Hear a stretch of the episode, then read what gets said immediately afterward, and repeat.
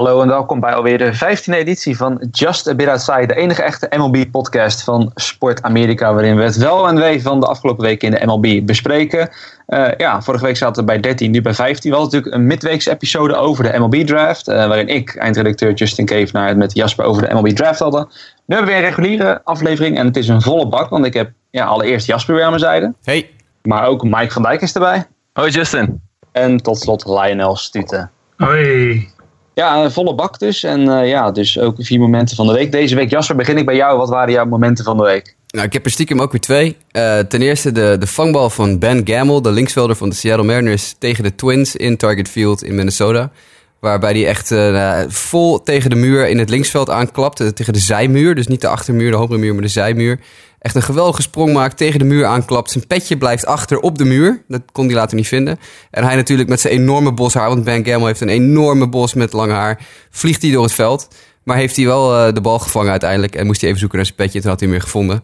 Fantastische vangbal. Echt, uh, Ben Gamel speelt, uh, speelt geweldig de laatste paar weken. Staat ook hoog in de Rookie Watch bij mij elke week nu. En over de Rookie Watch gesproken, uh, een ander moment van de week voor mij was uh, de, de streak waar Matt Davidson van de White Sox uh, op uitkwam deze week. Die sloeg in vier wedstrijden op rij een home run. toen had hij één wedstrijd zonder home run en toen sloeg hij de dag daarna weer eentje. Dus die heeft vijf home runs geslagen in zes dagen tijd. En daarmee zal hij ook weer met stip de Rookie Watch inkomen komende woensdag. Ja, nou ja, dat al Matt Davidson en home runs. Ik geloof dat we bij momenten van de week een beetje bij het home run thema blijven. Dan gaan we volgen naar Lionel. Wat was jouw moment van de week?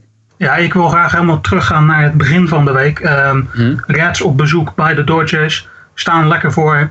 En uh, de Dodgers brengen Corey Seager aan slag. En die slaat zijn eerste Grand Slam home run van zijn carrière. Het was technisch misschien niet uh, de meest perfecte home run. Maar het was wel een heel belangrijk moment. Het was echt een maken of breken moment voor beide teams. En dat is ook te zien. Sindsdien zijn de Dodgers lekker gaan draaien. En de Reds zijn het helemaal kwijt. Dus ja, ik, uh, dit was voor mij wel het moment van de week. Ja, ja dan moet ik zeggen, pin me er niet op vast. Maar ik hoorde geloof ik zelfs ook uh, in de podcast dat het überhaupt zijn eerste Grand Slam ooit gewoon op elk niveau was. Hij had geloof ik ook nooit uh, high school niveau, uh, was het hem ook nooit gelukt. Dus, nee, dat klopt, dat klopt. Het was zijn allereerste Grand Slam in zijn carrière als honkballer van kleins af aan. Dat is, ja, het was... ja, het was gewoon heel bijzonder eventjes. Ja, precies. Nou ja, het perfecte moment daarvoor uitgekozen. Goed, Mike, gaan we door naar jou. Wat was jouw moment van de week? Mijn moment van de week was de home run van Aaron Judge tegen de Oakland Athletics. En op zich zijn de home runs van Aaron Judge de laatste tijd niet echt schaars. Maar het gaat mij meer om uh, het fenomeen Aaron Judge dat is opgestaan dit seizoen. Het was de 23e home run van Aaron Judge dit seizoen. Daarmee leidt hij de Major League.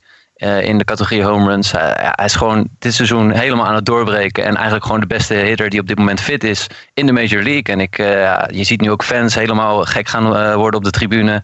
Allemaal met van die koordpruiken op en van die hamertjes in de hand. En er was ook een klein mannetje van een jaar of drie die stond helemaal om na te doen. Ja, Aaron Judge is hier en ik hoop dat hij vooral zo doorgaat. Want dit is echt een fenomeen om te blijven kijken. Ja, en ook een beer van een vent natuurlijk. Ik bedoel, uh, nou, maakt niet uit naast wie die staat, naast welke eerste honkman die staat als die op het honk is. Maar iedereen lijkt klein als ze naast Aaron Judge staan. Dat is echt uh, te bizar voor woorden. En het is wel goed dat je hem noemt, want dan gaan we van Jets naar een ander, nou ja, misschien iets minder groot fenomeen nog. Maar Cody Bellinger van de Dodgers, een rookie die ook toch wel heel veel mensen positief heeft verrast. Had de afgelopen zeven dagen maar liefst zeven home runs. En ja, hij heeft nu 19 home runs geslagen in zijn eerste 49 wedstrijden. En op het moment dat we dit opnemen, uh, is zondagmiddag. Hij mag het vanavond opnemen tegen de Cincinnati Reds voor Lionel en Bronson Arroyo. En dan mag hij het record van Gary Sanchez gaan proberen te verbreken. Want dat herinneren we vast nog van vorig jaar. Sloeg hij 19 home runs in zijn eerste 50 wedstrijden. Dat was een record toen. Nou ja, Bellinger staat nu op gelijke hoogte. En uh, ondanks dat het moet wel gezegd worden dat zijn batting average en zijn on-base percentage, et cetera, de laatste weken wel een klein dipje heeft vertoond sinds dat hij de league is ingekomen. Ja, nog steeds een, geweldige start. En uh, ja, wel een van de katalysatoren van de, de Dodgers offense die ze zeker niet kunnen gebruiken. En uh, ja, Lionel, ik zei het aan moeder tegen Bronson Roy opnemen. Verwacht je dat Bellinger daar gaat verbreken? Nou ja, hij kan geen betere pitcher treffen op dit moment. Hè. Uh, laten we gewoon eerlijk zijn. Bronson Arroyo is uit, van achter de geraniums getrokken. Maar hij had er beter kunnen blijven zitten. Zijn, uh, zijn eerste maanden zijn niet heel erg best. Hij uh, heeft meer home runs op dit punt tegengekregen dan in elk ander seizoen in zijn carrière. Dus ik geef het een goede kans. Ik geef Bellinger een hele goede kans om het vanavond te gaan breken. eigenlijk ja, ja, nee, goed. Nou, BP Bronson, hè, tegenwoordig. Ja, ja, ja, ongelooflijk. Hey, laat mij ook jullie eens iets vragen. Nou, hebben wij vijf momenten gekozen en we vijf hele jonge mannen gekozen. Zegt dat iets over uh, wat er komen gaat de komende jaren? Ja, misschien wel. Denk het wel, ja. Bedoel, het is heel veelbelovend. Dat, dat, dat zeker, ja. En ik denk, uh, ja, vooral, ik moet zeggen, van al deze schiet vooral Judge wat mij betreft dan, dan wel bovenuit. Maar ik denk, het zijn stuk voor stuk allemaal jongens die, uh, ja, hoe dan ook wel de komende jaren hopelijk, en laten hopen, kunnen natuurlijk alle blessures en dergelijke komen, die we wel op dit niveau in de league uh, kunnen blijven zien acteren, dat zeker. Ja, en ik vind het in die zin ook uit, vrij uitzonderlijk eigenlijk dat uh, je deze jonge gasten al gelijk op zo'n hoog niveau ziet presteren. Weet je, vroeger was het een brakke speler door en echt een enkeling wist mee te komen met de beste in de league. Maar ja, de namen die we nu noemen, Seager, Judge en uh, nu vergeet ik even de laatste, maar uh, Bellinger. Ja, het is, Bellinger. Ja, Bellinger, Bellinger. Ja, die zijn gewoon gelijk, weet je, echt een belangrijk onderdeel van de line-ups. en dat, dat zag je in het verleden voor mijn gevoel echt een stuk minder. Ja. Dat is ook zeker. Maar Bellinger bijvoorbeeld, die is geloof ik ook gewoon uh, teamleader in RBI's bijvoorbeeld bij de, bij de Dodgers. Terwijl die nou, dus niet eens vanaf het begin van het seizoen, hij is er wel heel snel bijgekomen. Ik geloof vanaf de, de, de 20 wedstrijd van de Dodgers. Maar ja, het, geeft wel aan, ondanks dat hij de eerste 20 wedstrijden niet heeft meegemaakt. En dat hij dan daarna meteen zo'n grote impact heeft dat hij RBI-leader is. Ja, dat is denk ik wel, uh, als je kijkt naar het verleden, wel ongekend. Dus dat is in ieder geval heel goed om te zien. Nou goed, en laten we even dus één dingetje nog niet vergeten. Hm? Dat, hebben we, dat schiet me nu net te binnen. Dat hebben we van tevoren ook niet besproken. Maar er is nog een ander momentje van de week... Hè, waar we het met z'n allen wel eens over gehad hebben. The Freeze heeft verloren. ja, ja, ja, moeten, moeten, we toch wel even bespreken hoor. Want uh, vorige week hadden we het over, uh, over The Freeze... en zijn capriolen in het uh, Braves outfield tussen de innings door. En toen zeiden we nog... ja, die jongen is zo snel, die kan bijna niet verliezen. hij is nog steeds supersnel, dat bleek wel weer. Inmiddels weten we dat het een, inderdaad een college trackstar is... die ook nog bij het Olympische team heeft meegerend, geloof ik.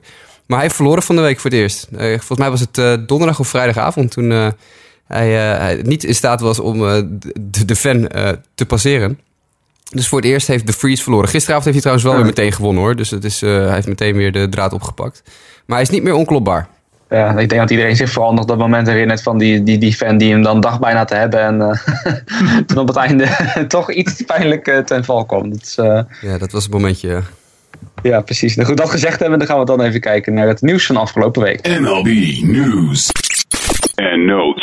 Ja, goed, we beginnen even ja, heel kort, uh, moet ik wel zeggen, met de MLB Draft. Want die was natuurlijk afgelopen week Royce Lewis, die als nummer 1 naar de Minnesota Twins ging. Uh, ja, Jasper, ik zeg, we houden heel kort, hè, want we hebben het van de week uitgebreid over gehad. Dus ja, als mensen er meer over willen weten, wat moeten ze dan doen? Ja, ik zou inderdaad vooral uh, de, de draftcast van midden deze week eventjes opzoeken geloof woensdag hebben we hem uitgebracht. Dus dan even terugbladeren in je feed. En dan kan je hem nog even downloaden als je het niet gedaan hebt. Check de artikelen op sportamerika.nl. Uh, want ja, we hebben denk ik wel genoeg over de draft gezegd. Maar ja, inderdaad, het was afgelopen week. Dus we moeten het even meenemen in de MLB News en Notes.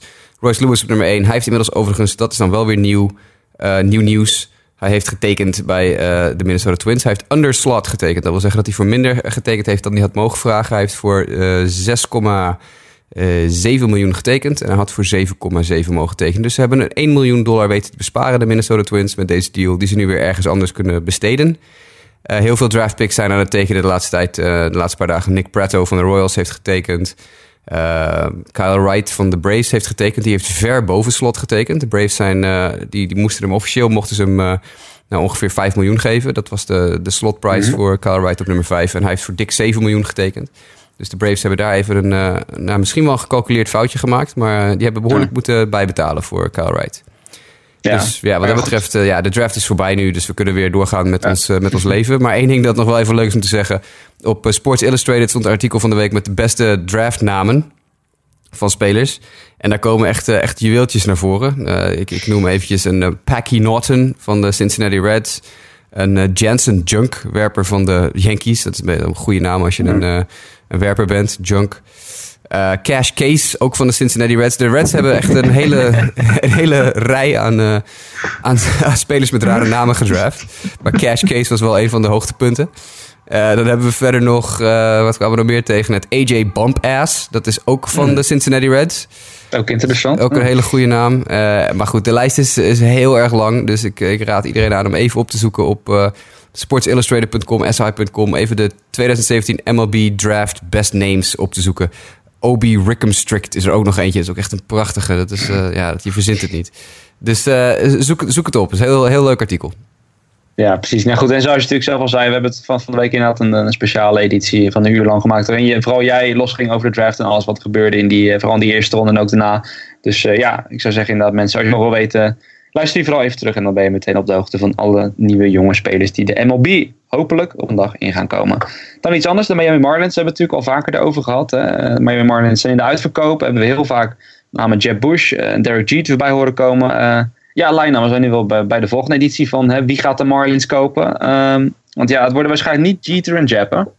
Nou ja, Jasper zegt net, de draft is nu voorbij, maar de verkoop van de Marlins gaat nooit voorbij. Hè? Dat blijft tot, in de, tot het einde der tijden blijven we het hierover hebben. Het is nu zo dat uh, de, de, groep rond uh, Derek Jeter en Jeb Bush eigenlijk uit de running is. Dat is al een, een week of twee geleden bekend geworden. Uh, de mannen kunnen het geld niet bij elkaar krijgen.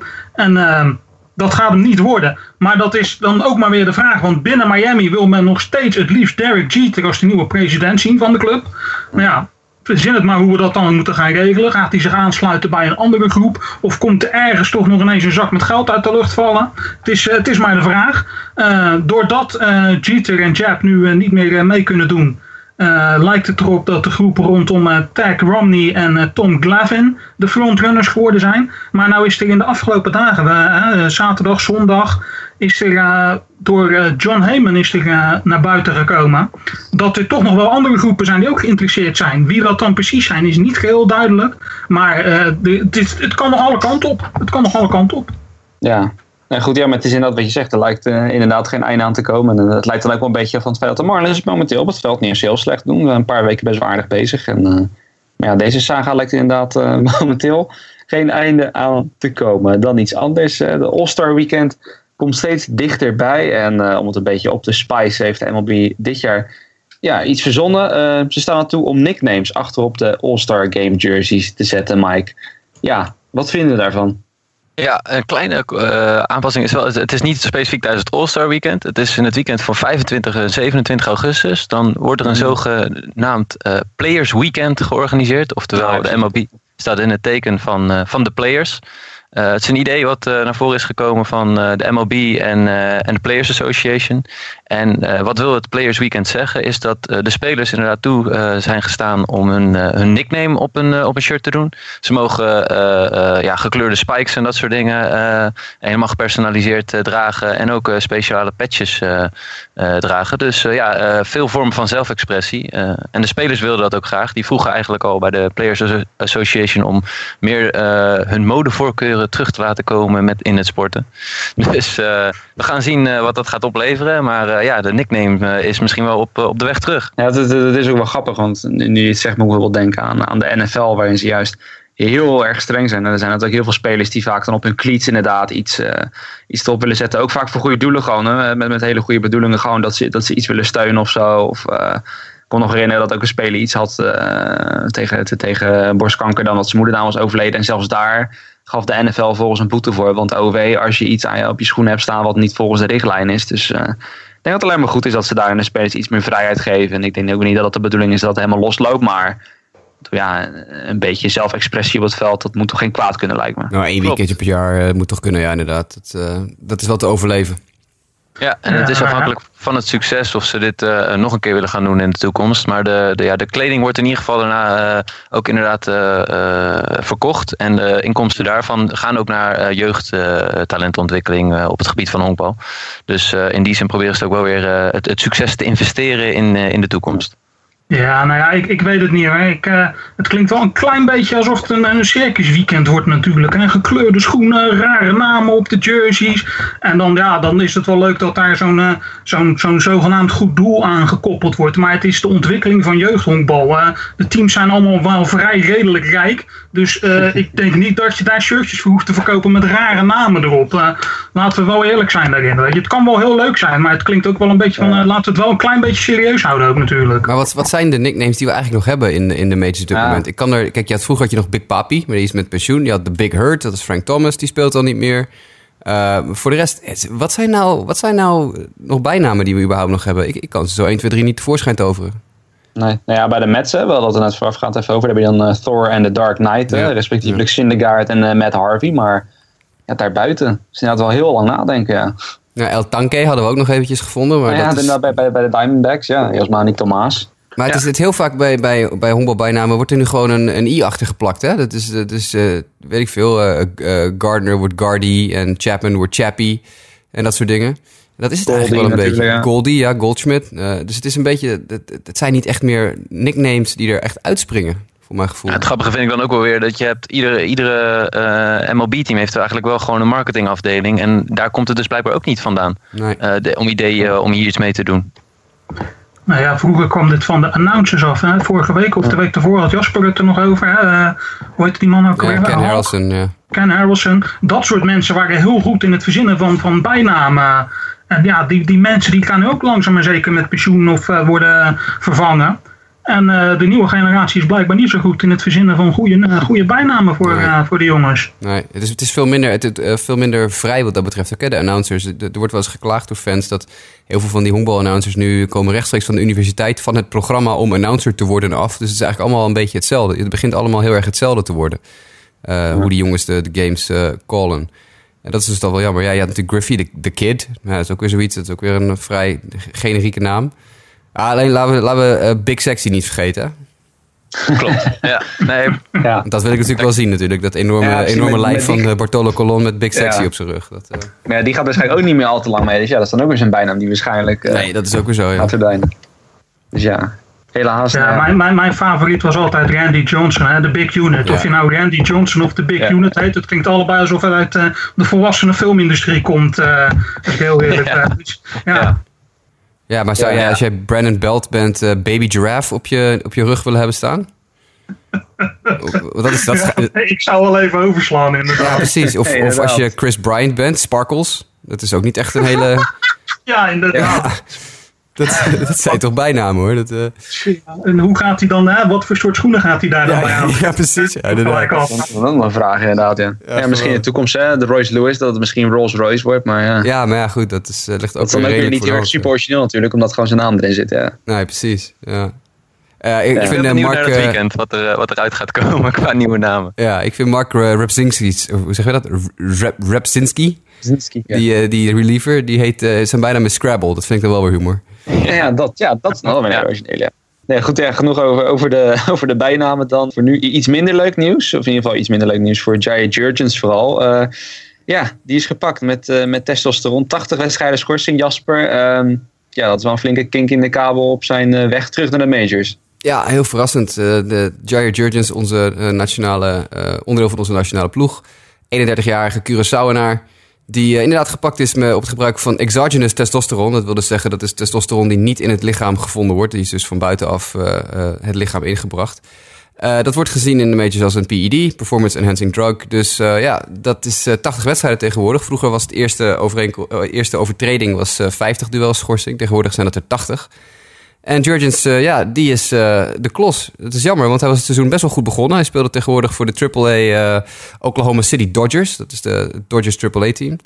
Hij was vrij goed begonnen. Hij was 4 en 3 met een ERA van 4,64. Ehm ja, dat is eigenlijk heel treurig. Ik heb even van honkbalsite van Seb Visser heb ik zijn verklaring geplukt. En eh, hij zegt eigenlijk, nou, in april kreeg ik een melding dat ik tijdens een reguliere dopingtest positief was bevonden. Ik heb onmiddellijk gevraagd of ik in beroep kon gaan, want ik zou nooit opzettelijk vals spelen bij het spelletje dat ik zo respecteer. Mijn beroep werd afgewezen toen duidelijk werd dat de verboden stof waarop ik positief bevonden was voorkwam in een medicijn dat door mijn arts voorgeschreven was tegen mijn depressie van de afgelopen winter. Ik heb dit medici- medicijn al tijden niet meer gebruikt, maar de stof zat duidelijk nog in mijn lichaam en stond op de dopinglijst. Ik wil mij graag verontschuldigen richting mijn team, de honkbalfans en mijn familie. Ik speel al meer dan tien jaar professioneel honkbal en hoop dat ik snel over deze horde heen kan stappen en weer de sport waar ik zoveel van hou kan spelen. Nou, hij zegt dus eigenlijk, ik heb medicijnen geslikt tijdens de winter. Toen was hij teamloos in die periode. Hij had geen, eh, geen ploeg waar hij voor speelde, dus dan mag je doen en laten wat je wil eigenlijk. Eh, maar blijkbaar was het niet op tijd eh, uit zijn systeem toen hij getekend heeft bij de, bij de AAA Dodgers. Ja, en dan ben je de klos, hoe lullig dat in dit geval ook is. Ja, heel erg zonde in ieder geval. Hè, want we hadden het aan het begin van het jaar over toen hij bij de Dodgers tekende. Naar aanleiding van het WBC. Hij daarbij terugkwam. Dat hij toch iets dichter bij de majors was. Ondanks dat de Dodgers natuurlijk wel een team zijn dat diep in de pitching zit. Maar eh, ja, dit is eh, zo goed als einde seizoen. eh, en dat is wel heel erg zonde voor ja, een man die allicht wel hè, met een beetje geluk nog wel de majors in had kunnen gaan. Dus ja, we gaan het volgen. Nou goed, als ik het goed begrijp van je, er is gewoon geen kans dat, die, eh, dat dit kwijt wordt gescholden. Dus ja, hij moet sowieso dit seizoen uitzitten. Ja, dan gaan we het zien wat, Ja, of die volgend jaar weer een kans krijgt. Ik laat het hopen voor hem van wel. Het zou natuurlijk wel leuk zijn als we hem alsnog ooit een keer terug kunnen zien. En, eh, we gaan het allemaal zien. Ander nieuws. Ja, de MLB, een beetje misschien wat meer zakelijke nieuws eh, van buiten het veld. De MLB heeft een nieuwe independent arbitrator. En zijn naam is Mark Irvings, Lionel. En dan mag jij de mensen gaan uitleggen wat dat inhoudt. Oké, laten we dan uh, de zaak van uh, Jurjens hier eens even bij op betrekken. Stel nou dat jij inderdaad doping, met doping wordt betrapt en jij hebt daar een reden voor dat, waarom je het of niet gedaan hebt of waarom het in jouw bloed zit en dat dat in jouw ogen moet kunnen dan moet jij ergens kunnen klagen natuurlijk. Maar dat kan natuurlijk niet bij de MLB of bij de MLBPA, hè, de, de spelersvakbond.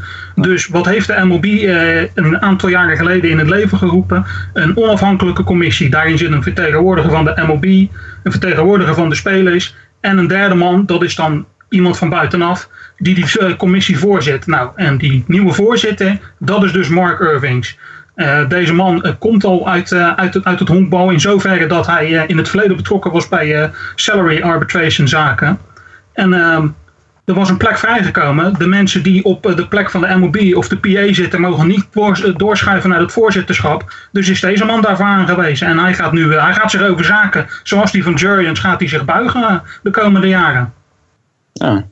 Nou ja, goed, ja, inderdaad. Ik moet zeggen, ik ben, vind het altijd een beetje lastig, al die, uh, al die dingen die zeg maar boven in de kantoortjes van de MLB eh, spelen. Maar uh, nou goed, als ik het van jou zo begrijp, is hij van kundig man, toch? Hè? Ik bedoel, dat heeft in ieder geval de nodige ervaring. Dus dan zal hij wel terecht op die plek terecht zijn gekomen. Nou goed, Lionel, we hem even bij jou, want jij bent altijd een beetje van de, van de internationale dingetjes. Ik lees hier is een MLB-event in Londen. Ja, klopt, klopt. Er is in, op 4 juli komt de MLB naar Londen en daar gaan zij voor het eerst het zogenaamde MLB Battlegrounds event houden. Uh, dit is gewoon een, het is geen, eh, geen wedstrijd. Het is wel in de, in de vorm van een wedstrijd gekozen. Het is uh, de, Dodgers, of, de, ja, wel de Dodgers tegen de Red Sox, zo gezegd. Uh, er zijn allerlei dingen. Er, zijn wat honkbalspelletjes. Er is muziek. Er is uh, de VR-experience, waar we het pas geleden al over gehad hebben. De virtual reality. En er komen een, een aantal uh, oud All-Stars komen En die gaan een, een, een, een home run derby houden. onder andere Carlos Peña, Cliff Floyd, Sean Green. Die komen en die gaan het tegen elkaar opnemen met de knuppel. het is in Hyde Park. Het is op 4 juli. Ik kan er zelf helaas niet heen. Want ik ben op die dag ben ik op de World Port Tournament. Maar uh, wie nog geen kaartje daarvoor heeft, zou misschien naar Londen kunnen gaan. Ja. Nou ja, nu het zegt inderdaad. Ik denk voor, voor een ieder die in die tijd uh, beschikbaar is en uh, ja, van honkbal houdt, is dat denk ik zeker wel een leuke mogelijkheid om, om daarbij te zijn in Hyde Park. Um, het, is, het is iets wat, het, het is voor het eerst maar mhm. zoals ik het begrepen heb, is het voor de MLB wel het, plan om dit uh, vaker te gaan doen. Dus ja, wie weet. Hè. Stel nou dat wij. Uh, het is nu wel duidelijk dat het moeilijk gaat worden voor Nederland om wedstrijden hierheen te halen. Hè. Zouden we dan niet zo'n event hierheen kunnen halen, denken jullie? M mij lijkt het wel wat. Ja. Maar ook wel. Lijkt me, lijkt me heel goed zelfs. Ja, ik denk, denk wel dat het in meerdere, met meerdere steden kan. Hè. Ik bedoel, maar aan een hoofddorp of Rotterdam, uh, buurt van Amsterdam. Ik denk dat er wel genoeg locaties voor, voor zouden zijn om dit soort dingen te organiseren. Dus ja, dat ja, lijkt mij ook wel. Ja, ik zie het ook zitten. Zeker. En ik denk eigenlijk zelfs dat wij in Nederland, maar misschien dat ik dan de Engelse fans uh, een beetje voor de hoogte stoot, maar dat wij uh, misschien meer honkbalfans en meer publiek zouden trekken dan dat daar zou zijn. Uh, ja, nee, dat, dat denk Althans, ik, ik denk dat we hier veel meer liefhebbers hebben en ja, dat daar echt wel een markt voor zou zijn. Ja, nee, absoluut. Wat je hier wel een beetje uit kan afleiden. Uh, het was natuurlijk nieuws wat jij twee weken geleden had, hè, Mike. Dat uh, de MLB-wedstrijden waarschijnlijk naar Londen gaan. Nu komt dit event ook al naar Londen. Dus we kunnen er wel van uitgaan dat Londen de, de thuisbasis gaat worden voor de Europese wedstrijden. Als die er binnen nu en vijf jaar komen. Ja. Lijkt mij. Ja, dit is denk ik een proefballonnetje om te kijken of het, uh, of het aanslaat. Dat denk ik ook, ja. Nou ja, daarom is het natuurlijk wel een redelijk veilig evenement. Want ja, oké, stel dat, uh, dat de belangstelling een beetje tegenvalt, dan is het uh, minder gênant, bij wijze van spreken, dan wanneer je inderdaad een MLB-game daarheen brengt. En dat er dan gewoon uh, lege tribunes zijn. dus ja, ik denk dat inderdaad wat, wat Mike zegt, een beetje een soort, een soort proefballonnetje is. Dus we gaan, nou ja, voor iedereen die dan kan, ik zou zeggen, zoek op internet meer informatie op. En ja, misschien lekker naar Londen om een MLB-event mee te maken. Het is gratis, zie ik hier. Dus, Klopt, ja. ja nou, kijk. Nou, dat vinden Nederlanders sowieso ja, fijn. Precies. Hè? Dus, dat scheelt. Goed, dan gaan we even, even terug naar het veld. Uh, een onderwerp wat mij heel erg aan het hart gaat. Want ja, de New York Mets, uh, ja, blessures, die, die lopen een beetje als een rode draad door het seizoen heen. Mike, nou, jij bent onze injury expert, om het zo maar even te zeggen. Uh, nou ja, goed, ik leg de koptelefoon wel even weg. Dan mag jij gaan uitleggen wat er alweer bij de Mets is gebeurd op dat vlak. Ja, qua blessures gaat echt wat mis kan gaan bij de Mets, gaat dit seizoen mis. Uh, afgelopen week was echt een week om wat dat betreft weer te vergeten. Er gingen maar liefst uh, ja, drie spelers weer naar de disabled list. Uh, Juan Lagares, die heeft zijn duim gebroken. Onduidelijk wanneer hij terug gaat komen. Neil Walker scheurde zijn hamstring bij een, een infield hit. Die is zeker een maand uitgeschakeld. En Matt Harvey, de Dark Knight, we hebben hem hier al vaker besproken. Die, die verliet de wedstrijd met een, wat, wat hij zelf zei, een tired arm. Maar letterlijk heeft hij een stress injury to the scapular bone in his throwing shoulder. Nou, ik ben geen expert op het gebied van uh, ja, medische feitjes en dergelijke, maar in ieder geval, hij lijkt uh, enige tijd, enkele weken uitgeschakeld te zijn. Uh, ik weet niet of Jasper als expert van armen en dergelijke iets meer daarover kan vertellen. Ja, het is een blessure waar volgens mij al meerdere werpers mee geworsteld hebben de laatste paar jaar. Het is een, een heel vervelende blessure, maar het is wel iets waar je wat van terug kan komen. Alleen het nadeel voor wat Harvey heeft, is dat hij al zo vaak geblesseerd is geweest aan, aan zijn arm. Dus het wordt bij hem een kwestie van steeds meer uh, opeenstapeling eigenlijk van, van uh, blessures aan zijn uh, elleboog, zijn schouders, zijn pols, noem maar op. En dat is, dat is toch wel problematisch. Dat is de enige reden dat hij zich eigenlijk zorgen moet maken over wat hij aan het doen is.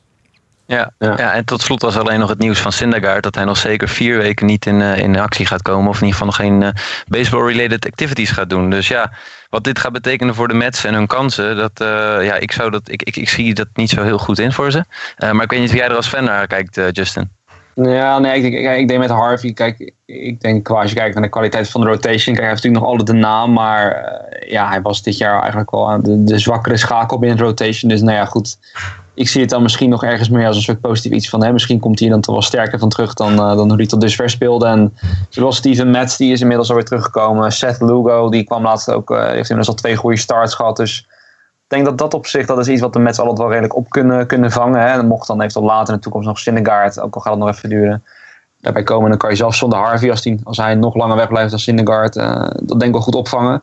Neil Walker, ja, ik verk dan vooral Neil Walker, vind ik wel. Uh, vind ik wel, wel een speler waar ik gecharmeerd van ben. Die altijd wel gewoon, uh, misschien niet de meest opvallende speler, maar nou, wel gewoon altijd produced en gewoon zijn ding doet. En gewoon, uh, ja, terwijl een belangrijk deel is van de Mets aanval die niet altijd even gevaarlijk is. Dus ja, dat, dat, dat, dat, zijn wel aderlatingen en dat maakt het wel steeds lastiger. En vooral ja, met het oog op dat je mogelijk voor wildcard wil gaan. ja, het wordt steeds lastiger. Ja. Het is ja, het was wat, wat, wat, mij ook vooral, het meestal als je als team een, een kans wil maken om de World Series te winnen, dan moet je ook in die zin wel het geluk net hebben dat de blessures bij je wegblijven, dat je uh, mensen van je niet verwacht in één keer, uh, ja, uh, in één keer boven zichzelf uitstijgen. En met de hoeveelheid blessures, ja, het zit gewoon enorm tegen in New York. dus ik zie het in, in, die zin, vorig jaar had je namelijk een vergelijkbaar iets bij de Diamondbacks met een aantal blessures van belangrijke spelers. Dan wordt het wel gewoon heel lastig. Dus ik, uh, ik, ik, ik, ik, ik, zie je optimisme en ik hoop voor je dat het, uh, dat het ook een stuk beter gaat de komende week. Maar ik ben wat sceptischer erover. Ja. Nee, nee ik, ik deel dat de geel met jou. Dus ja, we gaan het, maar goed, we gaan het in ieder geval zien. De komende week hebben ze een belangrijke series. onder andere tegen de Dodgers, waar ik het aan het einde nog even kort over ga hebben. En allicht kunnen ze dan laten, nog laten zien wat ze waard zijn. Um, dan iets anders. Gaan we even terug naar Lionel, hè, onze, onze Cincinnati Reds fan ja, Pete Rose, hij is opnieuw geweigerd voor de, voor de Hall of Fame. En uh, nou ja, wij, wij, kennen zijn verhaal allemaal wel. Misschien nog even uh, goed om kort, kort, kort, toe te lichten, Lionel. Ja, wat is het verhaal van Pete Rose? Even heel kort. Ja, Pete Rose is natuurlijk uh, de koning van de hits in de, in de MLB. Ja. al sinds de jaren 80 staat hij daar bovenaan. Maar ja, Pete Rose vond het ook wel leuk om op wedstrijden te gokken. Ook wedstrijden waarin hij zelf een, een hand in had. Hè, zowel als speler als later als manager. En ja, dat, kwam ooit op een gegeven moment naar buiten. En uh, dat betekende levenslange uitsluiting voor de Hall. Nu is dat inmiddels is dat uh, levenslang een klein beetje uh, afgezwakt. Hij is, uh, vorig jaar is hij toegelaten in de, in de Reds Hall of Fame. Dus niet de algemene Hall of Fame van de MLB, maar puur van de Reds zelf. Dat was trouwens in de week waarin hij het, het hitrecord aan uh, Ichiro kwijtraakte. Dus toen was hij de ene dag was hij boos, de volgende dag was hij weer vrolijk. Maar hij, hij, wil toch nog steeds graag naar die Hall of Fame. Hè? En ja, de man is natuurlijk vooral bekend om, om zijn pesterijtjes rondom de Hall of Fame. op momenten dat er nieuwe inductees worden geïntroduceerd, dan zit hij een straat verderop handtekeningen uit te delen in een memorabilia-zaak, al jaren. En uh, de MLB is uh, gewoon niet, niet van plan om hem toe te gaan laten in, in de nabije toekomst. Hij had een, een, een, speciale uitzondering gevraagd om dan toch eindelijk nu eens in die Hall of Fame terecht te komen, maar dat is afgewezen. En ja, de, Red, de Reds zijn wel positief. De Reds hebben hem een, een nieuw standbeeld aangeboden. Een, een mooi standbeeld, dat heeft hij onthuld afgelopen zaterdag. Maar ja, het, eh, daar blijft het waarschijnlijk voorlopig bij. Ik vind het zonde. Ik vind het echt zonde. Ik, eh, aan de ene kant begrijp ik het wel. Hoor. Je mag niet gokken op wedstrijden. En het staat gewoon, het is gewoon duidelijk afgesproken. Aan de andere kant, het is de beste nou, een van de beste slagmensen in de geschiedenis van, van de Major League. Hoe kan je die nou niet... Gewoon op een gegeven moment is het een keer klaar. Zaken verjaren, weet je wel. Dat, uh, uh, ik, begin hier een beetje moeite mee te krijgen. Ik heb hetzelfde een beetje met Shoeless Joe Jackson. Legendarische speler uit, uh, uit het begin van de vorige eeuw. van de Chicago White Sox. Die betrokken was bij het Black Sox schandaal. Wat misschien wel bekend is bij sommige mensen. Hè, dat, waar de maffia een aantal spelers van de White Sox omkocht in de World Series om de World Series te verliezen. Omdat ze torenhoog favoriet waren. Op die manier konden ze dan heel veel geld verdienen. Nou, daar was Shoeless Joe Jackson zijdelings bij betrokken. En die is toen met uh, dus een andere zeven spelers is hij uh, uitgesloten van de, de Hall of Fame. Is, is voor het leven geschorst en voor de Hall of Fame geschorst. Hetzelfde verhaal een beetje. Het is, dat is verjaard. Het, is, het is inmiddels ook wel duidelijk dat in dit geval van Joe Jackson... hij was er niet bij betrokken. Uh, hij heeft na één meeting heeft hij al gezegd: ik doe niet mee. Als je naar zijn statistieken in de World Series uh, kijkt, er is niets wat wijst op, op het feit dat hij uh, niet zijn best heeft gedaan. hij heeft ontzettend goed gespeeld in die hele World Series. Dus dan ben je ook niet bezig om de boel opzettelijk te verpesten of zo. Datzelfde geldt een beetje voor Pete Rose. Tuurlijk, hij heeft, hij heeft gegokt op wedstrijden waar hij zelf in zat. Maar hij heeft in, in die wedstrijden waar hij op gegokt heeft, waar hij zelf als manager of als speler bij betrokken was, uh, heeft hij wel altijd gewoon bijna altijd gewonnen. En hij heeft wel, zegt hij zelf, altijd ja, hij, op een hij, hij gokt ook op winst. Precies, hij gokt altijd op winst. winst. Het is ja, niet zo dat je zegt van ik gok, ja. op, ik gok op verlies en ik ga vervolgens uh, even 0 uit 5 met 5 strikeouts en ik haal even precies. wat geld binnen. Hetzelfde verhaal is met Joe Jackson. Die heeft, zich, die heeft zich uit de naad gespeeld tijdens die World Series, maar wordt toch voor het leven geschorst. Ja, ik vind het onzin. En net als met Pete Rose, hij heeft altijd op zichzelf gewet, niet tegen zichzelf gewet. gewet. Waar hebben we het over? Kom maar. Ja, nou ja, en met Pete Rose, ik bedoel, ik weet dan niet hoe dat precies destijds is gegaan. Ik neem aan dat hij toen ook al gestraft is, gewoon uh, op het moment dat het naar buiten is gekomen. Maar dan vind ik van ja, weet je, hij is toen waarschijnlijk dan ook al gestraft. En moet dan meteen heel zijn legacy soort van gestraft worden. Van, hè, dan vergeten we al die hits en al die prestaties uh, stoppen dan ook in een doofpot. Want ja, je hebt iets gedaan wat niet mag. En ja, het, het, is inderdaad dan ook wat je zegt. Als hij het vooral nooit tegen zichzelf heeft gewet, dan is het ook wel van ja, waar, waar hebben we het over? Tuurlijk, het is verboden, maar ja, om daarmee een beetje heel zijn legacy maar te niet te doen van uh, er is voor jou dan geen plek. Ja, nou ja, dat is wel een beetje raar. Het moeilijke hieraan is natuurlijk als je kijkt naar uh, de huidige uh, situatie waarin de Hall of Fame verkeert. Hè, dat jaarlijks jongens uit, uit het Balco-schandaal en dergelijke. Ja die best wel veel stemmen aan het verzamelen zijn. Hè? Barry Bonds bijvoorbeeld, uh, Roger Clemens zijn gewoon veel stemmen aan het verzamelen de laatste jaren. En die zitten er tegenaan. Het kan best goed zijn dat komende januari ineens deze mannen gewoon uh, de, de Hall of Fame ingaan. Hè? En dan... Ja. Uh, dan is de vraag, inderdaad wat je zegt, Piet Roos is destijds gelijk uit het vak gezet. Die mocht niet meer managen, nooit meer. En er is heel erg emotioneel gereageerd van, en we willen je ook nooit meer bij de Hall of Fame zien. Maar we zijn wel 30 jaar verder inderdaad. En als de vergeving is voor deze, voor deze mannen in die dopingzaak, waarom dan niet voor bijvoorbeeld inderdaad Pete Rose of Joe Jackson? Ergens aan moet je toch een keer zeggen van, nou, streep de ronde. Je hebt ook heel veel voor de sport betekend. Weet je, uh, maak er dan iets van, weet ik veel, een, een, een eervolle vermelding of zo. Maar dat ja, ik, voor die mensen. Ik, ik, wil ook wel eigenlijk toch wel een beetje de andere kant ervan belichten. Kijk, het gaat wel om de integriteit van de sport. En op het moment dat je uh, hem zou toelaten tot de Hall of Fame, uh, wat zegt dat dan als, als voorbeeld?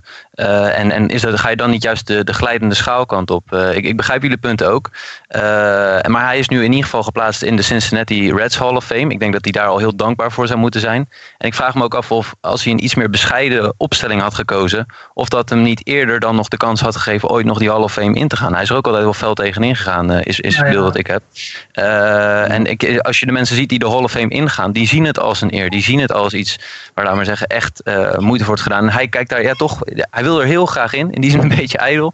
Uh, en dat begrijp ik ook heel goed. Maar ik, ja, ik vind het lastig, omdat het is gewoon een glijdende schaal. Kijk, wat zeg je tegen je kinderen als Pete Rose erin is gekomen? En ondanks dat hij het dan ik, ben ook, ik weet ook niet precies waar hij op ge, gewet heeft. Maar ondanks dat hij dan voor zijn, voor op zichzelf zou gewet hebben.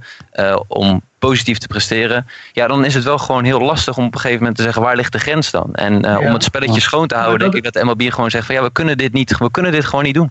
Dat is ook precies het punt, hè? Want zeg nou zo'n Piet Roos, die dus uh, meer dan 4000 hits bij elkaar heeft verzameld, als je die geld op zichzelf inzet, is dat dan een erger vergrijp dan doping, waardoor jij 750 home runs kan slaan. Wat nu dus blijkbaar wel goedgekeurd wordt, want die zijn gewoon toelaatbaar voor de Hall of Fame. En dat is het moeilijke eraan. Ja. Het is inderdaad wat je zegt, het is de houding van Pete Rose die men bij de MLB niet zo graag ziet. Want hij loopt natuurlijk gewoon rond alsof hij een gangster uit de Sopranos is. Zo loopt hij gewoon rond. Dat Ja, is precies. absoluut waar. En dat is denk ik waarom het zo, eh, zo moeilijk blijft om hier tot een oplossing te komen. Want ja, de jongens die inderdaad in, de, in die dopingkwestie hebben gezeten, die hebben zich gewoon wat verder naar de achtergrond eh, teruggetrokken. En daardoor hè, zijn mensen misschien wat meer eh, eh, eh, te, te bereid om, om concessies te doen. Om maar door te pakken op die nicknames. Hij loopt er een beetje bij als Big Pete. Ja. Ja, nou, dat is heel mooi. Laten we daarmee afsluiten met die, eh, met die mooie nickname. Eh, want ja, iets heel anders. We hadden het net even kort over de, over de New York Mets en blessures. En dat het daardoor wat minder gaat. Eh, een team ja, waarmee het nu eigenlijk wel dramatisch gaat kunnen zijn. Dat zijn de Baltimore Orioles. We hadden het er aan het begin van het seizoen over. Toen begonnen ze heel goed. 22 en 10 stonden ze toen. Beste record in de, in de MLB. Ja, en nu hebben ze zelfs een negatief record, Jasper. Ja, wat gaat er allemaal fout in Baltimore? Ja, dit is ongelooflijk inderdaad. Ze begonnen 22 en 10. Oh, dat was eh, op 9 mei, waren ze 22 en 10. En sinds 9 mei, dus dat is dus eh, een maand en 9 dagen geleden, zijn ze 10 en 23. Ze hebben dus gewoon een, een totale ommekeer gemaakt in hun seizoen. Ehm, dit is echt, eh, echt een, een, een behoorlijke historische crash hoor, voor een team dat zo goed begonnen is en dat nu zo, eigenlijk zo slecht speelt. Ehm, ja, waar heeft dat mee te maken? Ja, eh, Manny Machado heeft geen goed seizoen tot nu Ja. toe. Is een tijdje geblesseerd geweest net. Heeft een, had een, een spike op zijn hand gekregen, geloof ik. Eh, waardoor hij wat, eh, wat, wat moeizamer eh, eh, rondliep. Speelde echt niet goed door dit jaar. Want eh, dat is gewoon niet de Manny Machado-stijl. Hij begint nu weer een beetje los te komen, heb ik het idee. De laatste paar dagen is hij weer aardig aan het slaan. En ook in het veld speelt hij nu eh, weer zoals Manny Machado hoort te spelen. Maar nu zie je maar weer hoe ontzettend belangrijk zo'n speler is. Daarnaast Mark Trumbo is matig. Chris Davis is er nu uit tot aan de All-Star break. Gaan we zo meteen nog meer over horen. Heeft ook niet zo'n heel goed seizoen tot nu toe. Eh, dat, dat team dat draait eigenlijk niet. Dylan Bundy is de enige werper waar ze een beetje op kunnen vertrouwen. En de vraag is maar of hij het Ja. seizoen uit kan maken. Want ja, op een gegeven moment komt zijn inningslimiet eh, om de hoek kijken. Eh, een bullpen die heel wisselvallig is. Hè. De- vooral de, de setup guys daar, de, de, de Michelle Givenses van de world en zo. Die, die de ene dag supergoed zijn en de andere dag helemaal kapot Ja. geslagen worden. Britten natuurlijk weggevallen daar. Britain weggevallen, inderdaad. Het is, het is een heel erg wisselvallig team. Dat wat moeite heeft met blessures en met spelers die, de belangrijkste spelers die niet eh, produceren. Ehm, dus ja, het, dit is, ik, ik, heb, ik maak me zorgen over de Baltimore Orioles hoor, voor dit seizoen. Ik denk niet dat ze in die AL East, waar op dit moment de Yankees en de Red Sox zo'n beetje wel eh, met de zaak aan de haal gaan, eh, of ze daar nog iets, iets kunnen betekenen. Inderdaad, ik, ik, wat Jasper zegt is, is volledig het, eh, het probleem. Eh, het- ik, ik las ook een artikel inderdaad op, eh, op ESPN. Dat ging ook over de Orioles en waarom het nu eigenlijk zo slecht ging. En toen heb ik ook wat statistieken even opgezocht. Maar de starting pitching van de Baltimore Orioles staat in ERA, WHIP, walks per nine, Ks per nine, hits per nine en home runs per nine. Bij de laatste drie teams in de Major League. Dat is het probleem. Dus, en, en, en los daarvan stond er ook aangegeven dat in de afgelopen jaren waren de, de Orioles heel sterk eh, tegen de verwachting in. Dus de Pakota, de projections en dergelijke hadden allemaal de Orioles niet zo heel geweldig. Maar doordat ze zo'n dominante bullpen hadden, lukte het gewoon iedere keer om leuk mee te doen in de, in de divisie. En nu ja, hebben ze gewoon problemen met starting pitching. En de bullpen is inderdaad ook gewoon niet dominant genoeg. Of niet zo dominant als dat hij was. Dus ze lopen nu gewoon eh, ja, eigenlijk tegen de muur aan. Ja. Ja, het is inderdaad goed wat jij zegt. Want ik denk dat starting pitching eh, eigenlijk al jaren in Baltimore wel een beetje een zorgkindje is. Maar dat dan vaak tegen de verwachting in nog wel op dat vlak nog wel meeviel. Maar als je nou inderdaad kijkt, eh, Chris Tillman 8.07 ERA, een whip over de 2. Ubaldo Jimenez, ik bedoel, ik ken hem allemaal nog. Die kreeg ook weer een kans in de rotation, eh, las ik van de week. En die heeft ook wel de nodige starts gemaakt. Nou, ik zie Edwin Jackson, hè, laten we die ook niet vergeten. Zelfs die is even bijgehaald om te kijken of die alles kon, kon redden. Maar ja, dat viel misschien niet heel, heel verrassend best wel tegen met een whip van drie. En binnen no time was hij er weer uit, geloof ik. Dus ja, het, het, het, het is het gewoon allemaal niet. En eigenlijk, ja, laten we dan wel twee lichtpuntjes dan even uithalen om toch een beetje positief wat te eindigen. Is dat eh, onze landgenoot, eh, Jonathan Scope, die speelt wel gewoon, eh, gewoon goed. En ja, de, zijn collega in het outfield, een rookie, Trey Mancini, is misschien wel iets minder aan het begin van het jaar, maar speelt ook gewoon nog erg degelijk. Dat zijn eigenlijk dan de twee lichtpuntjes. Maar ja, aan, aan twee lichtpuntjes. Nou ja, Ja, dat is natuurlijk het, het andere deel van het probleem. Hè. Ze scoren geen runs meer. Het, eh, als je kijkt naar wat zij in de eerste anderhalve maand deden en wat zij in de tweede anderhalve maand aan het doen zijn, dan is gewoon het aantal runs wat zij produceren is gewoon bijna gehalveerd. En dat komt gewoon omdat er niet genoeg mensen over de thuisplaat komen. Zo simpel is het gewoon. Dus je ziet toch ook dat bij, het, bij de starting pitching fout gaat, gaat het er ook aan slag behoorlijk fout. De mensen raken gewoon niks meer. Of, of ze halen het einde van, eh, van, van, het, van het rondje niet.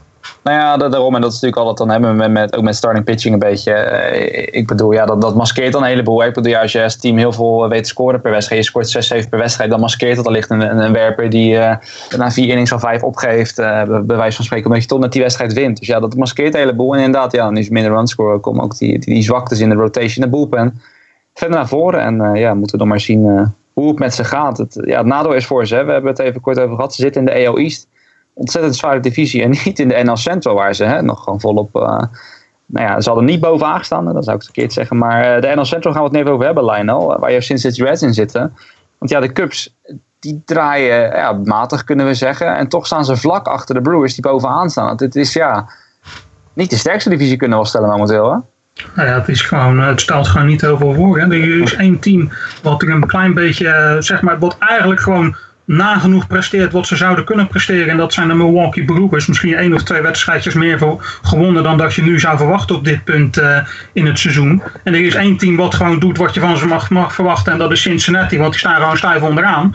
En de rest is gewoon, ja, het valt een beetje tegen. Ik heb voor het seizoen bijvoorbeeld gezegd dat ik Pittsburgh vond ik gewoon het, het beste outfield van de, van de NL hebben. Nou ja, het is er niet echt uitgekomen. Natuurlijk ook veel pech gehad daar. Nou ja, de Cubs draaien niet helemaal zoals het hoort. Uh, St. Louis is ja, het was een beetje een 50-50 ploeg. Het kan heel goed gaan, het kan niet zo goed gaan. Voorlopig is het dat laatste. Ja, dus eigenlijk is het gewoon, ja, het is gewoon daardoor eigenlijk gewoon een beetje de, de, de divisie die verleden jaar en misschien wel de sterkste was in de NL, is nu gewoon uh, de zwakste ineens. En de Cubs met Anthony Rizzo op lead-off. Doe even normaal. Doe even normaal, serieus. tegen, die Met, tegen de Mets werkte wel, die ene wedstrijd. ja, maar dat, dat, dat, slaat echt voor. Hij is echt een nummer 3, nummer 4 hitter. Dat, eh, dat is een van je beste slagmensen. Het, mooiste is nog dat dan Jason Hayward op de clean-up plek komt te staan. En Jason Hayward, of uh, ja, Jason Hayward, ja. Die ook echt, die echt helemaal niks doet ook. dit is weer dus waar we het eerder over gehad hebben bij de Cubs. Het probleem, ze hebben geen lead-off hitters. Ze hebben Schwarber geprobeerd, dat werkte niet. En nu zijn ze Rizzo aan het proberen. Dat slaat gewoon helemaal nergens op. Dat is je RBI-guy. Dat is de gast die de, de punten binnen moet slaan. Niet die, die op het honk moet komen. Solo home runs, leuk, heb je niks aan. Van de week tegen de Mets sloeg hij eh, vanuit de lead-off positie een home run, geloof ik. Uh, dat, is, dat is leuk, maar dan heb je één run. Als er twee man op het honk staat en er staat een home, dan heb je er drie. Dat, dat is wat je nodig hebt. Het is zo dat uh, uh, de NL East, niemand in de NL East heeft een winning record tegen Central ploegen. En in de NL West hebben alleen Colorado, Arizona, Los Angeles en San Diego weliswaar een winning record. Maar alleen Colorado en Los Angeles echt substantieel. Uh, dus dus ik, ik, althans, ik, volgens mij is het gewoon een, eh, een, divisie waar gewoon nog heel veel mogelijk is, alleen heel wisselvallig gespeeld wordt. Maar ja, heel erg zoekende de ploeg wat je aangeeft, inderdaad, de Cubs. Uh, wanneer vallen de puzzelstukjes in elkaar of niet? Ja, en dan de Cubs en de Blue Jays die bijvoorbeeld een heel vergelijkbaar record hebben. En de Cubs die staan nog uh, die staan tweede vlak achter de, de Brewers. En de Blue Jays staan stijf onderaan. Die komen er trouwens alweer aan. De Blue Jays spelen een stuk beter de laatste paar weken. Maar, Zeker. Ja. Uh, dat, is toch wel, dat geeft aan hoeveel sterker bijvoorbeeld de AL East is dan de NL Central. Ja, nou, het is sowieso heel apart hoe die divisies dan toch zich elk jaar weer, weer ontwikkelen. En ik bedoel, kijk maar naar de NL East met uh, Metro het net over hadden. Ik bedoel, uh, daar is het de Nationals en ja, de rest zuigt gewoon even heel plat. Ja, dat, ik bedoel, ja. dat, is, dat is de andere kant inderdaad. Want daar staat Miami staat nu op plek 2 met uh, uh, punt 455. En daarmee zouden ze in de, NL Central zouden ze daar met plek 5 staan. Dus dat is weer de andere kant van de medaille. Je hebt wel één team wat er heel ver bovenuit steekt. Maar de rest doet het daar ook niet zo heel lekker. Ja, ja, en overigens, ik moet zeggen, die NL Central, ik, gun het de Brewers wel van harte. Ik bedoel, normaal, normaliter zou je gezegd hebben dat de Cubs uh, de, eeuwige underdog zijn, maar natuurlijk in dit verhaal. Uh, ja, zijn natuurlijk eigenlijk de Brewers die toch wel iets wat verrassend op één staan. En ik gun het ze wel hoor. Het, seizoen duurt nog lang natuurlijk, maar uh, het zou toch best wel tof zijn als de, de, de Cubs met al die hype voorafgaand aan het seizoen af weten te houden. En, en andere, want als we dan toch nu een beetje over alle standen hebben, wat we ook nog wel opviel, dat is dan een hele andere divisie die we hier niet bij hadden staan. De AL Central, misschien Jasper dat jij daar heel kort idee over hebt. Dat viel op. De Twins die staan, als ik het goed heb, op dit moment nog op één. Maar als je kijkt naar alle stats qua weet je, ERA in de starting rotation, de bullpen, uh, qua run differential, ja, zijn ze totaal geen koploper. Nee, ze zijn inmiddels gepasseerd. Zijn ze, ze, zijn gepasseerd. De, in, ja, de Indians staan bovenaan. Uh, inmiddels ja. één wedstrijd voor de Twins. Drieënhalf wedstrijd achter staan de Royals. die staan gelijk met de Tigers. En 4,5 wedstrijd achter staan de White Sox. Dus dat is een divisie die heel close is. Heel, kan echt alle dat kanten op. ook, Dat, is- dat slaat eigenlijk ook nergens op. Ook, want eh, want de, de White Sox zouden in principe helemaal stijf onderaan moeten staan. Nou, dat staan ze wel. Maar hè, twee wedstrijden winnen en je staat in één keer weer derde of tweede. Weet je wel? Dat, is, eh, eh, dat kan alle kanten op. De Twins die doen eigenlijk een beetje hetzelfde als, eh, als een paar andere teams die we al genoemd hebben. Die, die presteren te, te goed. Die presteren eigenlijk te goed op dit moment. De Indians zijn gewoon de Ja, soort- gedoodverfde... soort bubbel die, eh, ja. Ja, de Indians zijn eigenlijk gewoon de gedoodverfde favoriet in die divisie. Maar die hebben ook wat opstartproblemen gehad. Hè? Edwin Encarnacion die heel matig speelt. Eh, Nou, Michael Brantley doet het dan wel weer aardig. Maar ook als je naar die statistieken kijkt... daar komen we zo meteen nog op terug. Want die staat derde in de All-Star voting. En dat slaat helemaal nergens op. Want zo goed speelt hij nou ook weer niet. Ehm, En die hebben ook wat problemen gehad. Danny Salazar, die, die nu eh, uit de rotation verwijderd is... omdat hij niet presteerde. Nou, en daarbij dan heb je de Twins die boven hun kunnen presteren. Hè? Sano die ineens uit het niets ontzettend goed speelt. Eh, Irvin Santana die ineens doet alsof hij de beste pitcher ter wereld is. Dat is hij natuurlijk ook niet.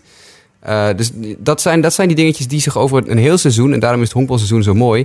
dat trekt zichzelf wel weer gelijk op een gegeven moment. En je ziet dat bij de Twins nu, die beginnen een beetje af te zakken... en dat is zoals het hoort. En de Indians beginnen te stijgen, want dat is zoals het hoort. Dat team is gewoon veel beter dan de Twins.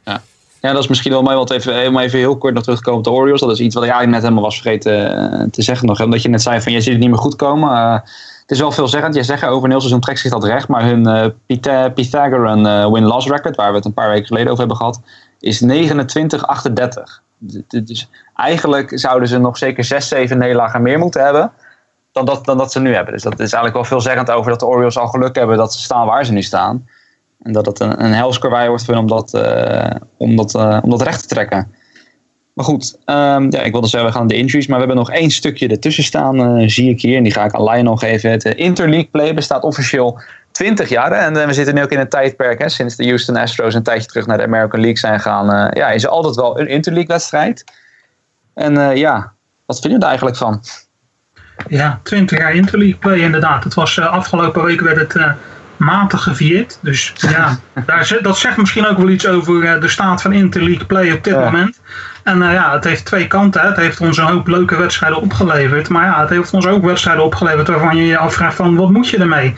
En eh, ja, moeten we hiermee doorgaan of moeten we het veranderen? Dat is nu een beetje de vragen die langzaam beginnen op te borrelen.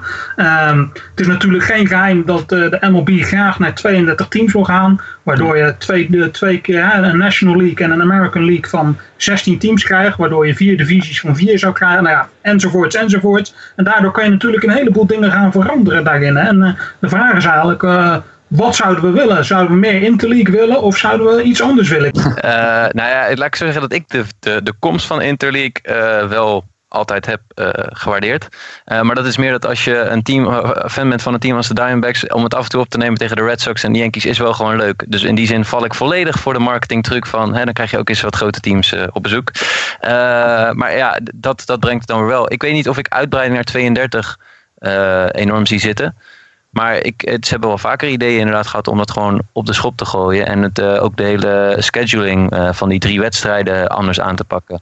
Eh, maar het heeft natuurlijk wel grote gevolgen voor, voor hoe honkbal dan gespeeld gaat worden. En ja, dus ik, ik, ik weet niet, ik heb hier eigenlijk ook niet echt een, een beeld bij of een, of een mening over. Nou, ik, ik ben me- benieuwd welke kant het op gaat. Laat me het dan eens omdraaien. Maar kijk, voor jou als Arizona Diamondback fan is het leuk om af en toe eens het tegen de Yankees of tegen Boston op te nemen. Maar stel nou dat jij een Yankee fan bent. Wil jij dan liever vaker tegen teams uit jouw omgeving spelen? Of wil jij vaker naar Arizona afreizen, denk je?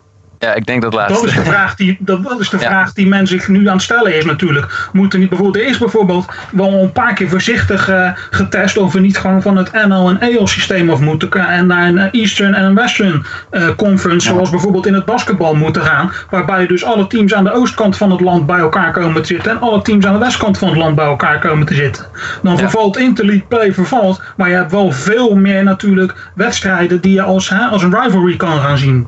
Nou, Ja. Nou ja, ja, het enige verschil is dan natuurlijk wel weer in het. En dan weet ik niet precies hoe dat nu met die interleague play is, is geregeld. Hè? Of je dan bepaalde divisies alleen maar tegenkomt uit, eh, uit de andere league. Maar wat je dan bijvoorbeeld bij de, bij de NBA wel weer ziet, is dat ze daar wel, wel weer hebben dat je wel echt tegen elk team uit de competitie minstens één keer, één keer speelt. Er is dan vaak wel één divisie uit de andere kant waar je dan iets vaker tegen speelt. Maar uiteindelijk moet je wel iedereen eh, één, één keer zijn tegengekomen. En ja, ja ik, weet niet, ik zou dat zelf misschien nog wel, ja, het is misschien dan hè, misschien niet zo leuk omdat je minder rivalries hebt, maar dat zou, daar zou ik dan misschien zelfs nog heen willen gaan. Dat is wel de, hele andere kant, maar ja, dat je toch ieder team wel één keer tegenkomt en echt oprecht kan zeggen, we hebben tegen iedereen gespeeld. En eh, dat team is zo goed, dat team is zo slecht. Maar uh, ja, aan de andere kant, rivalries zijn natuurlijk wel leuker. En ik, ja, ik zit eerder op, uh, weet je, ondanks dat misschien veel andere mensen zeggen, met tegen Phillies bal, wat, wat moet ik daarmee? Dat vind ik dan ja, leuker om heel vaak in het jaar te zien dan uh, Mets tegen de Tampa Bay Race bijvoorbeeld. Dus ja, daar valt ook wat voor te zeggen. Dit, dit is uh, ja, een, uh, een vrij complex verhaal eigenlijk.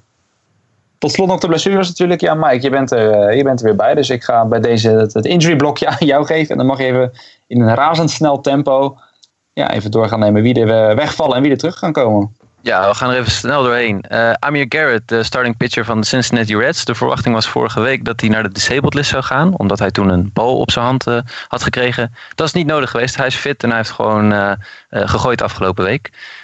andere spelers, pitchers die wel geblesseerd zijn, zijn Tyler Thornburg van de Boston Red Sox. Die heeft een vaatzenuwbundel in de schouder die bekneld is geraakt. En die zal dat zeker... is dezelfde blessure als Matt Harvey vorig jaar had trouwens. Kijk, nou, hij is in ieder geval negen maanden uitgeschakeld. Uh, en zal daar een operatie voor moeten ondergaan. Dus die gaat Boston uh, missen.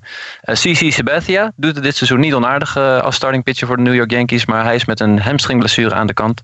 hij is op de 10-day disabled list geplaatst. En starting pitcher Andrew Cashner is met een oblique injury van de, naar de Texas Rangers disabled list gegaan. bij de hitters heeft Victor Martinez een onregelmatige hartslag gehad. Waardoor hij voor de Detroit Tigers naar de 10-day disabled list is gegaan. Uh, Adrian Gonzalez, de eerste honkman van de Los Angeles Dodgers, is ook naar de 10-day disabled list met een herniated disc. Uh, zijn timetable om terug te keren is nog onbekend. Chris Davis, Jasper noemde hem al eerder, heeft een eerste graads oblique verrekking en zal ook dus meerdere weken uitgeschakeld zijn. In ieder geval tot de All-Star break. Is naar de 10-day disabled list. Uh, ben Zobrist van de Chicago Cubs heeft, is afgelopen vrijdag naar de 10-day disabled list gegaan. Die heeft een polsblessure. en Chris Coughlin van de Toronto Blue Jays heeft een linkerpolskneuzing en is ook naar de 10-day disabled list. Dan zijn teruggekomen, of komen terug, teruggekomen is Justin Bohr van de Miami Marlins. Sloeg gelijk een home run in zijn eerste wedstrijd. Uh, Iwakuma, de pitcher van de Seattle Mariners, keert volgend weekend als het goed is terug. Darren O'Day van de Baltimore Orioles, relief pitcher, keert maandag als het goed is terug. Woensdag, zet hem in de agenda. Bartolo Colon gaat weer gooien tegen de San Francisco Giants. Terug van de disabled list. En dan nog even kort wat grote namen die voor de All-Star break lijken terug te keren. Dat zijn Zach Britton van de Baltimore Orioles, Cole Hamels van de Texas Rangers, Danny Duffy van de Kansas City Royals en Homer Bailey van de Cincinnati Reds. Dat was hem. Nou, nou kijk, de Big Sexy weer terug. Als mensen daar niet vrolijk van worden, dan, uh, dan weet ik het ook niet meer. Zoals die zei na het woensdag tegen de San Francisco Giants. Dus zet het vooral in je agenda. Maar goed, dat gezegd hebben, dan zijn we aan het einde gekomen van de nieuws en notes. En dan gaan we nu even kijken naar het aankomende All-Star Weekend.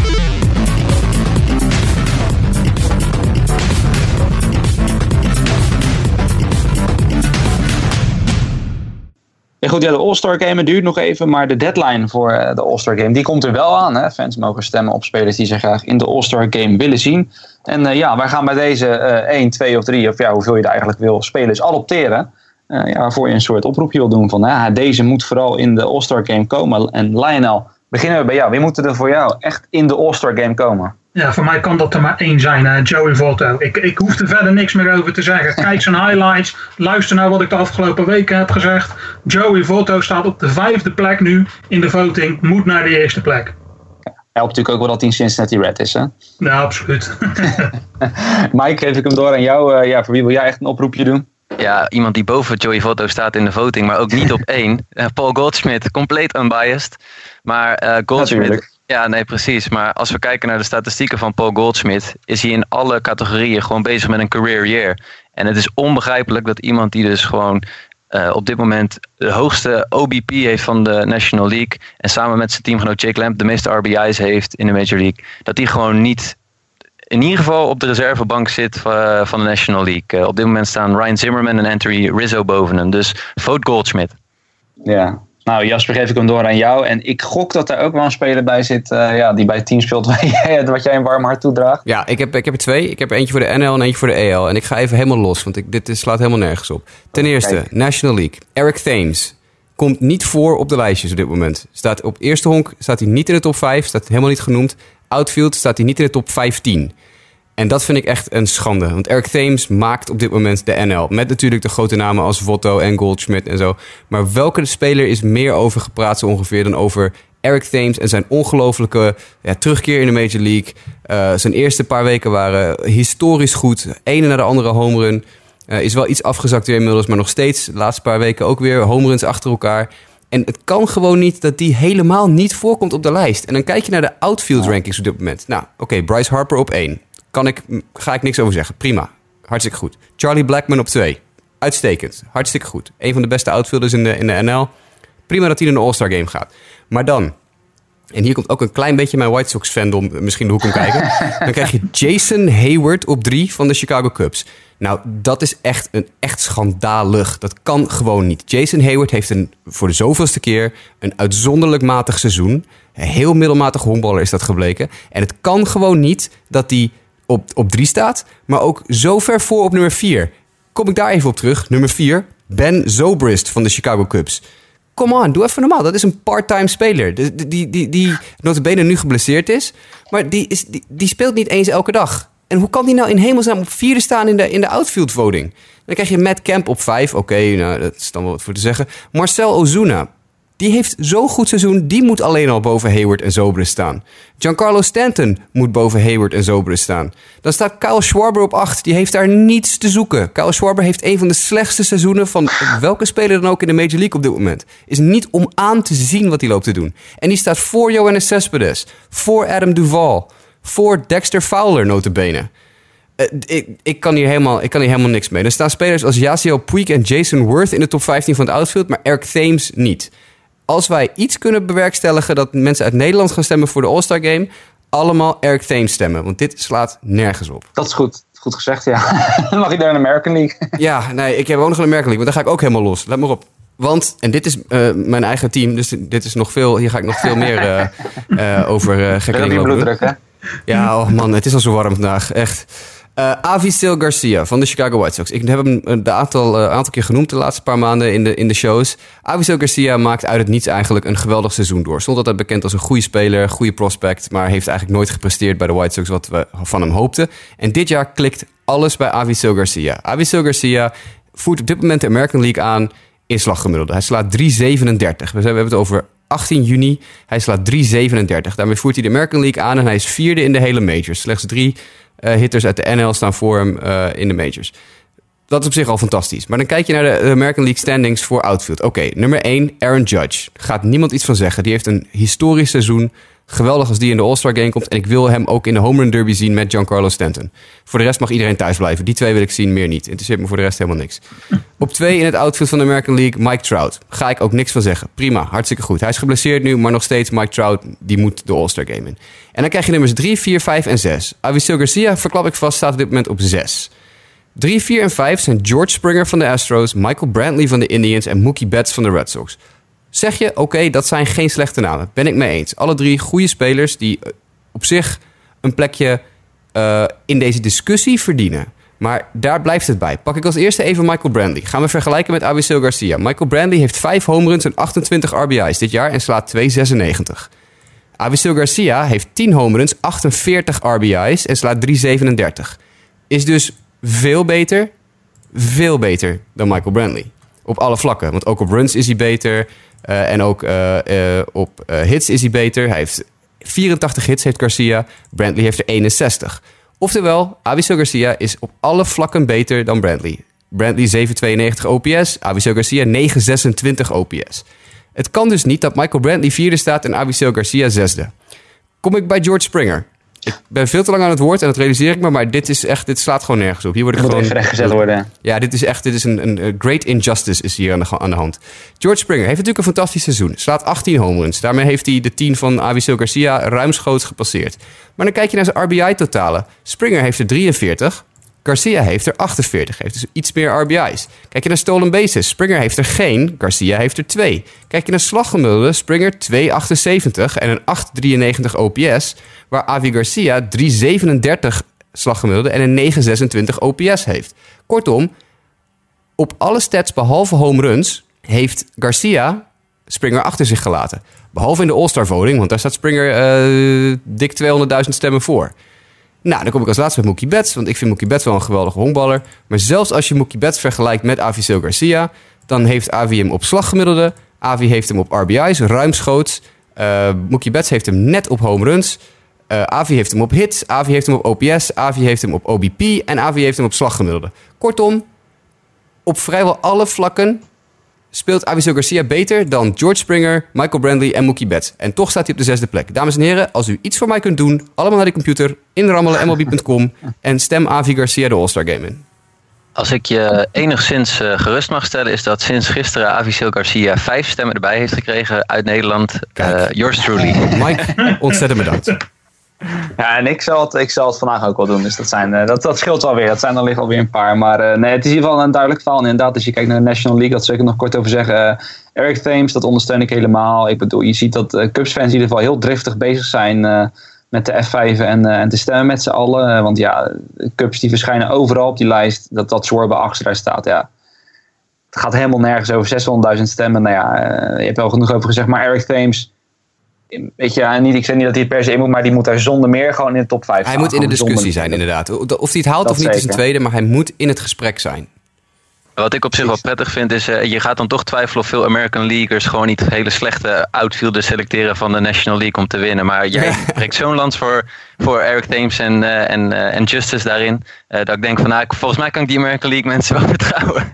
Ja, en, en, dan, en dan nog bij de American League. eh, ik moet zeggen, daar kon ik niet heel veel spelers vinden. Ik vond er wel Corey Dickerson, die staat momenteel derde bij de designated hitters. Eh, dat zou ik wel leuk vinden als zo iemand het haalt. Dat je Tampa Bay, klaar team en Dickerson, die, die, die, ja, die doet gewoon fenomenaal dit jaar.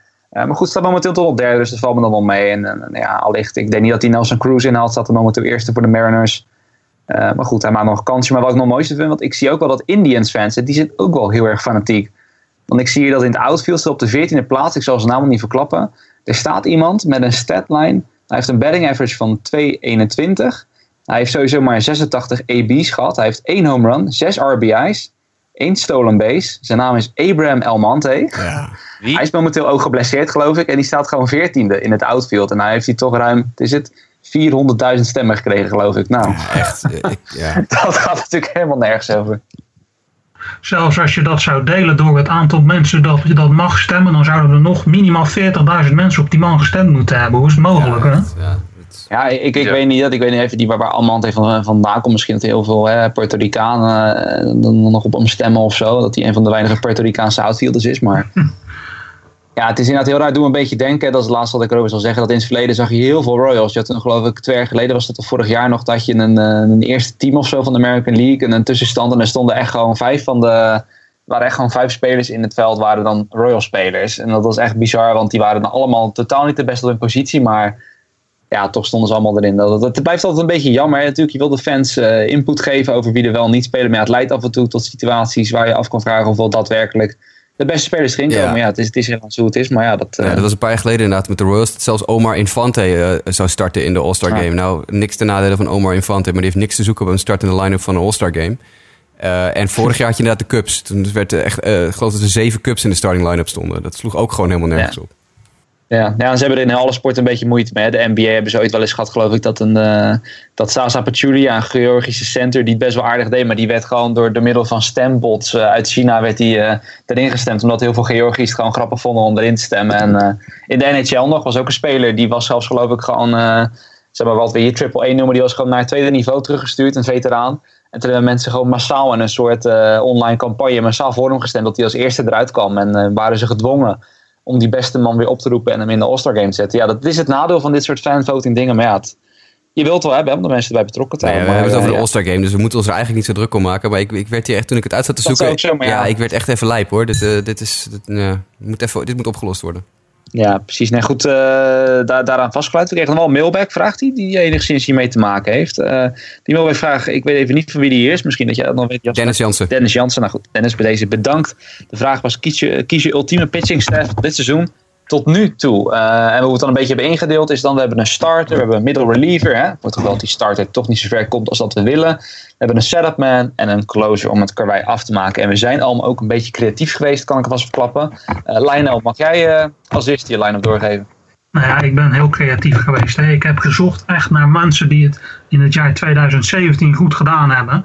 Ik kan je verklappen, mijn vier mensen samen hebben een, een gezamenlijk ERA van 1,86. En ik heb gekozen voor uh, Jason Vargas, uh, David Phelps, Pat Nashek en uh, Felipe Rivero. in die volgorde, al zou je van mij ook Nashik en Rivero mogen omdraaien. Want dan kom je ongeveer op hetzelfde uit. Ik heb gewoon puur gekeken naar de prestaties in 2016. Als ik een, een all-star uh, pitching staff zou moeten samenstellen, dan zou het deze pitching staff zijn. Ja, ja Pat Nischer vind ik ook wel mooi. Dat is echt een van de weinige positieve dingen in Philadelphia, geloof ik. En dan ook een man die, die een hele aparte throwing motion heeft. Maar ja, het werkt wel op zijn oude dag. Dus, ja, absoluut. absoluut. Ja, meer, meer dan terecht. Mike, geef ik hem door aan jou. Wat zou jouw ultieme pitching staff zijn? Ik zou gaan voor als starting pitcher voor Max Scherzer. Is gewoon omdat ik fan van hem ben. Hij gaat er vol voor. Ja. Uh, gaat voor strikeouts. Dus die op dit moment ook de leader in in de National League. Uh, dus ik ben een fan. Uh, daarna zou ik gaan naar Andrew Miller. Die heeft weliswaar niet een al te beste week achter de rug. Want hij heeft vijf punten deze week tegengekregen. En op het seizoenstotaal van zes nu is dat toch een slechte week. maar ik denk dat Miller voor zichzelf spreekt. Daarna Dylan Betances. Speelt ook heel goed dit seizoen weer. heeft op dit moment maar één run opgegeven. En 41 strikeouts in 21 innings. En ja, als closer ga ik voor onze landgenoot, Kenley Jensen. Deze week weer drie saves erbij. Nog steeds geen uh, vier wijd volgens mij. En de, ja, de, de strikeouts vliegen je ook uh, om de oren. Dus uh, ik vind het allemaal heel indrukwekkend wat hij op dit moment laat zien. Ja, Jasper, mag jij hem ook doorgeven? Ja, het, het, ik vond het een leuke vraag van Dennis. Dennis vroeg eigenlijk om een heel team. Maar we hebben het besloten om ja. het op te delen in, in... Vandaag doen we de, de pitching kant met een paar spelers. En dan volgende week pakken we de, de line-ups. Want het was een beetje een kort dag om, uh, om allemaal nog een hele line-up samen te stellen. Uh, maar ik, ja, ik heb eigenlijk een beetje gecheat weer. Ik ben een beetje sneaky heb ik gedaan. Ik heb twee starters geselecteerd. aan de ene kant moet ik natuurlijk Chris Sale kiezen... want dat is de beste werper in de Major League op dit moment... met zijn 99 innings gepitcht en 136 strikeouts... en zijn ERA onder de 3 en zijn whip onder de 1. Maar ik wil ook een, een, een, een lansje breken voor Alex Wood van de LA Dodgers... die jammer genoeg een paar keer al een DL-stintje heeft gehad... maar die ook fantastisch staat te gooien. 61 innings gegooid... Uh, eh, 7 wins, 72 strikeouts en een ERA van 1,9. Uh, dus die gaat hartstikke goed. Mijn middle reliever is een wat onbekendere naam. Dat is Blake Parker van de LA Angels. Die 32 innings gegooid heeft dit jaar. 48 strikeouts, 1,95 ERA. Mijn setupman, dat is, toen ben ik dicht bij huis gebleven. Tommy Canley van de White Sox. Hij met de 100, 101 mijl per uur fastball en de 90 mijl per uur change-up. Die 28 innings gegooid heeft dit jaar en 48 strikeouts heeft genoteerd. Een 1,27 ERA en een 0,74 whip. En mijn closer is Greg Holland van de Colorado Rockies. Die afgelopen week pas zijn eerste save verpestte van het seizoen. Hij heeft er al 24 verzameld, saves dat is. En hij heeft 26 innings gegooid, 35 strikeouts. En staat gewoon hartstikke goed te gooien voor de Colorado Rockies. Dus dat is mijn, mijn closer. Dan geef ik ook nog even mijn line-up door. Uh, ja, ik had in eerste instantie Syndergaard staan. Want nou ja, ik ben een Mets-fan. En ik denk dat ik het dan niet hoef uit te leggen dat ik Syndergaard hier opschrijf. Maar goed, hij is helaas al even geblesseerd. Dus dan toch maar even iemand uit te zoeken die dit seizoen wel echt daadwerkelijk beter doet. Kies ik ook toch Jason Vargas. Ik wilde ook creatief zijn zoals Lionel. Je kan wel een Kershaw noemen. Of een, uh, nou ja, ik wil bij niet Mike afvallen een Scherzer. Maar Vargas is gewoon niet altijd voor de hand liggende naam. Staat bovenaan de wins above replacement namens alle werpers. En gewoon die jongen, ja, waarvoor je het niet zou verwachten. Maar doet het gewoon excellent voor de Royals. En uh, ja, prima start en werpen momenteel. Daarna Chris Stefanski van de Houston Astros. Uh, de Astros, ja, die hebben toch wel met Keikel, die ook laatst heel uh, geblesseerd is, vaak wat problemen in de rotation. maar Stefanski is een jongen die vangt het al prima op. gooi je het vaak in. Die even dat gat van een zesde, zevende, eventueel ook de vijfde inning nog oppakt. En het gewoon prima doet. daarna kies ik ook toch voor Andrew Miller Mike zei het net al, een wat minder weekje achter de rug. Maar ja, Andrew Miller, ik, ik blijf er gewoon in vertrouwen. En dan tot slot een closer. Craig Kimbrell is momenteel, geloof ik, als ik het goed heb, onder alle werpers die een, weet je, een notabel aantal innings hebben gegooid. Geen met laagste whip. staat ook tweede in steeds achter Greg Holland. Is gewoon weer echt terug op dat oude niveau wat we van hem kennen van Craig Kimbrell. En is gewoon, ja, een van de beste closers in de MLB. Dus dat zijn dan mijn vier namen. En uh, ja, we zitten al een beetje over de tijd heen, geloof ik. En Jasper die houdt altijd uh, met de stopwatch de tijd bij. Het is wat langer dan normaal, maar uh, ja, we gaan nog even de roundup doen. Hè. We gaan even kijken naar welke series wij volgende week naar uitkijken in de, de volgende MLB-week. En ja, Mike, ik gok bij jou dat dat wel iets met de Diamondbacks heeft te maken. Ja, NOS Showdown. Arizona Diamondbacks Kijk. naar de Colorado Rockies. Dat is toch wel een, een matchup die, die er echt toe doet in de NOS op dit moment. Ja, ja, dan geef ik ook door aan Jasper. En uh, nee, goed, ik ga, ik ga het niet verklappen, weet Jasper, zeg maar wat jouw series van de week is. Die heeft er wel iets mee te maken namelijk, hè? Ja, ik ga Rockies Dodgers doen. Uh, ook weer de Rockies. Ik, uh, ik ben al. Uh, ja, ja de, ik, ik, was voor het seizoen al heel erg van de Rockies. Ook in de preview shows. Ik van dit kan best een leuk team worden. En ze, ze doen precies wat ik hoopte dat ze doen. Ze spelen leuk, aantrekkelijk honkbal. En de Dodgers zijn ook gewoon een goed team. Dus die, die twee teams kunnen wel eens uit gaan maken wie de NLS gaat winnen. dus ik ga zeker een oogje houden op Rockies Dodgers. Nou, Lionel, en jij? Ja, de Twins komen naar de Indians. Hè. We hebben het eerder in deze aflevering al over gehad. Ehm, de Twins zijn aan het terugvallen, de Indians zijn aan het opkomen. Dus dit is het moment waar we gaan zien hoe het in deze divisie gaat aflopen. Ja, nou, of inderdaad wat Jasper net zei, of dit dan ook een beetje het moment wordt waarop de Indians echt de zaken recht trekken en laten zien dat zij gewoon uh, veel beter zijn dan de Twins. is zeker interessant. En dan trek ik hem toch weer even terug naar de NL West. Want ja, het is een hele intrigerende divisie. Drie teams aan de top daar met de Rockies, D-backs en Dodgers. En ja, de Dodgers die krijgen mijn New York Mets op bezoek. En uh, ja, in het, in het, slechtste geval wordt het gewoon een four-game sweep. Want hij begint op maandag, duurt tot en met donderdag. Maar ik hoop dat de Mets wel vechten wat ze waard zijn. Ook in het verleden. Onder andere in de playoffs hebben ze wel wat intense duels gehad. Waarin de Mets dan toch net iets sterker eruit kwamen. Het zijn natuurlijk wel hele andere omstandigheden. En uh, ja, ze missen dus bijvoorbeeld een Syndergaard.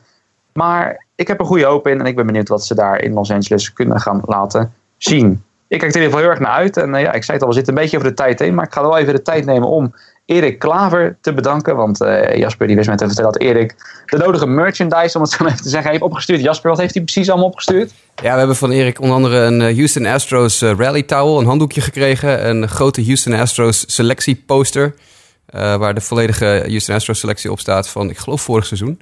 En, en een pen met daarin het hele schema van de Houston Astros. Erik was, vertelde die een, een keer aanwezig bij een Houston Astros wedstrijd. En hij verzamelt heel veel merchandise. En hij is een, ja, een, een, fan van de podcast en vanaf nu ook een friend van de podcast. Want Erik heeft wat aankleding aangeleverd voor, voor de studio. En dat is, wordt enorm gewaardeerd, Erik. Dankjewel. Ja, nee, nou, en vooral, ja, het is natuurlijk jammer, we hebben alleen maar audio, dus we kunnen het verder niet laten zien of zo. Maar mochten we in de toekomst overgaan op een, een videoplatform, dan, dan is het alleen maar mooi en dan kunnen we dat zeker laten hangen in het decor.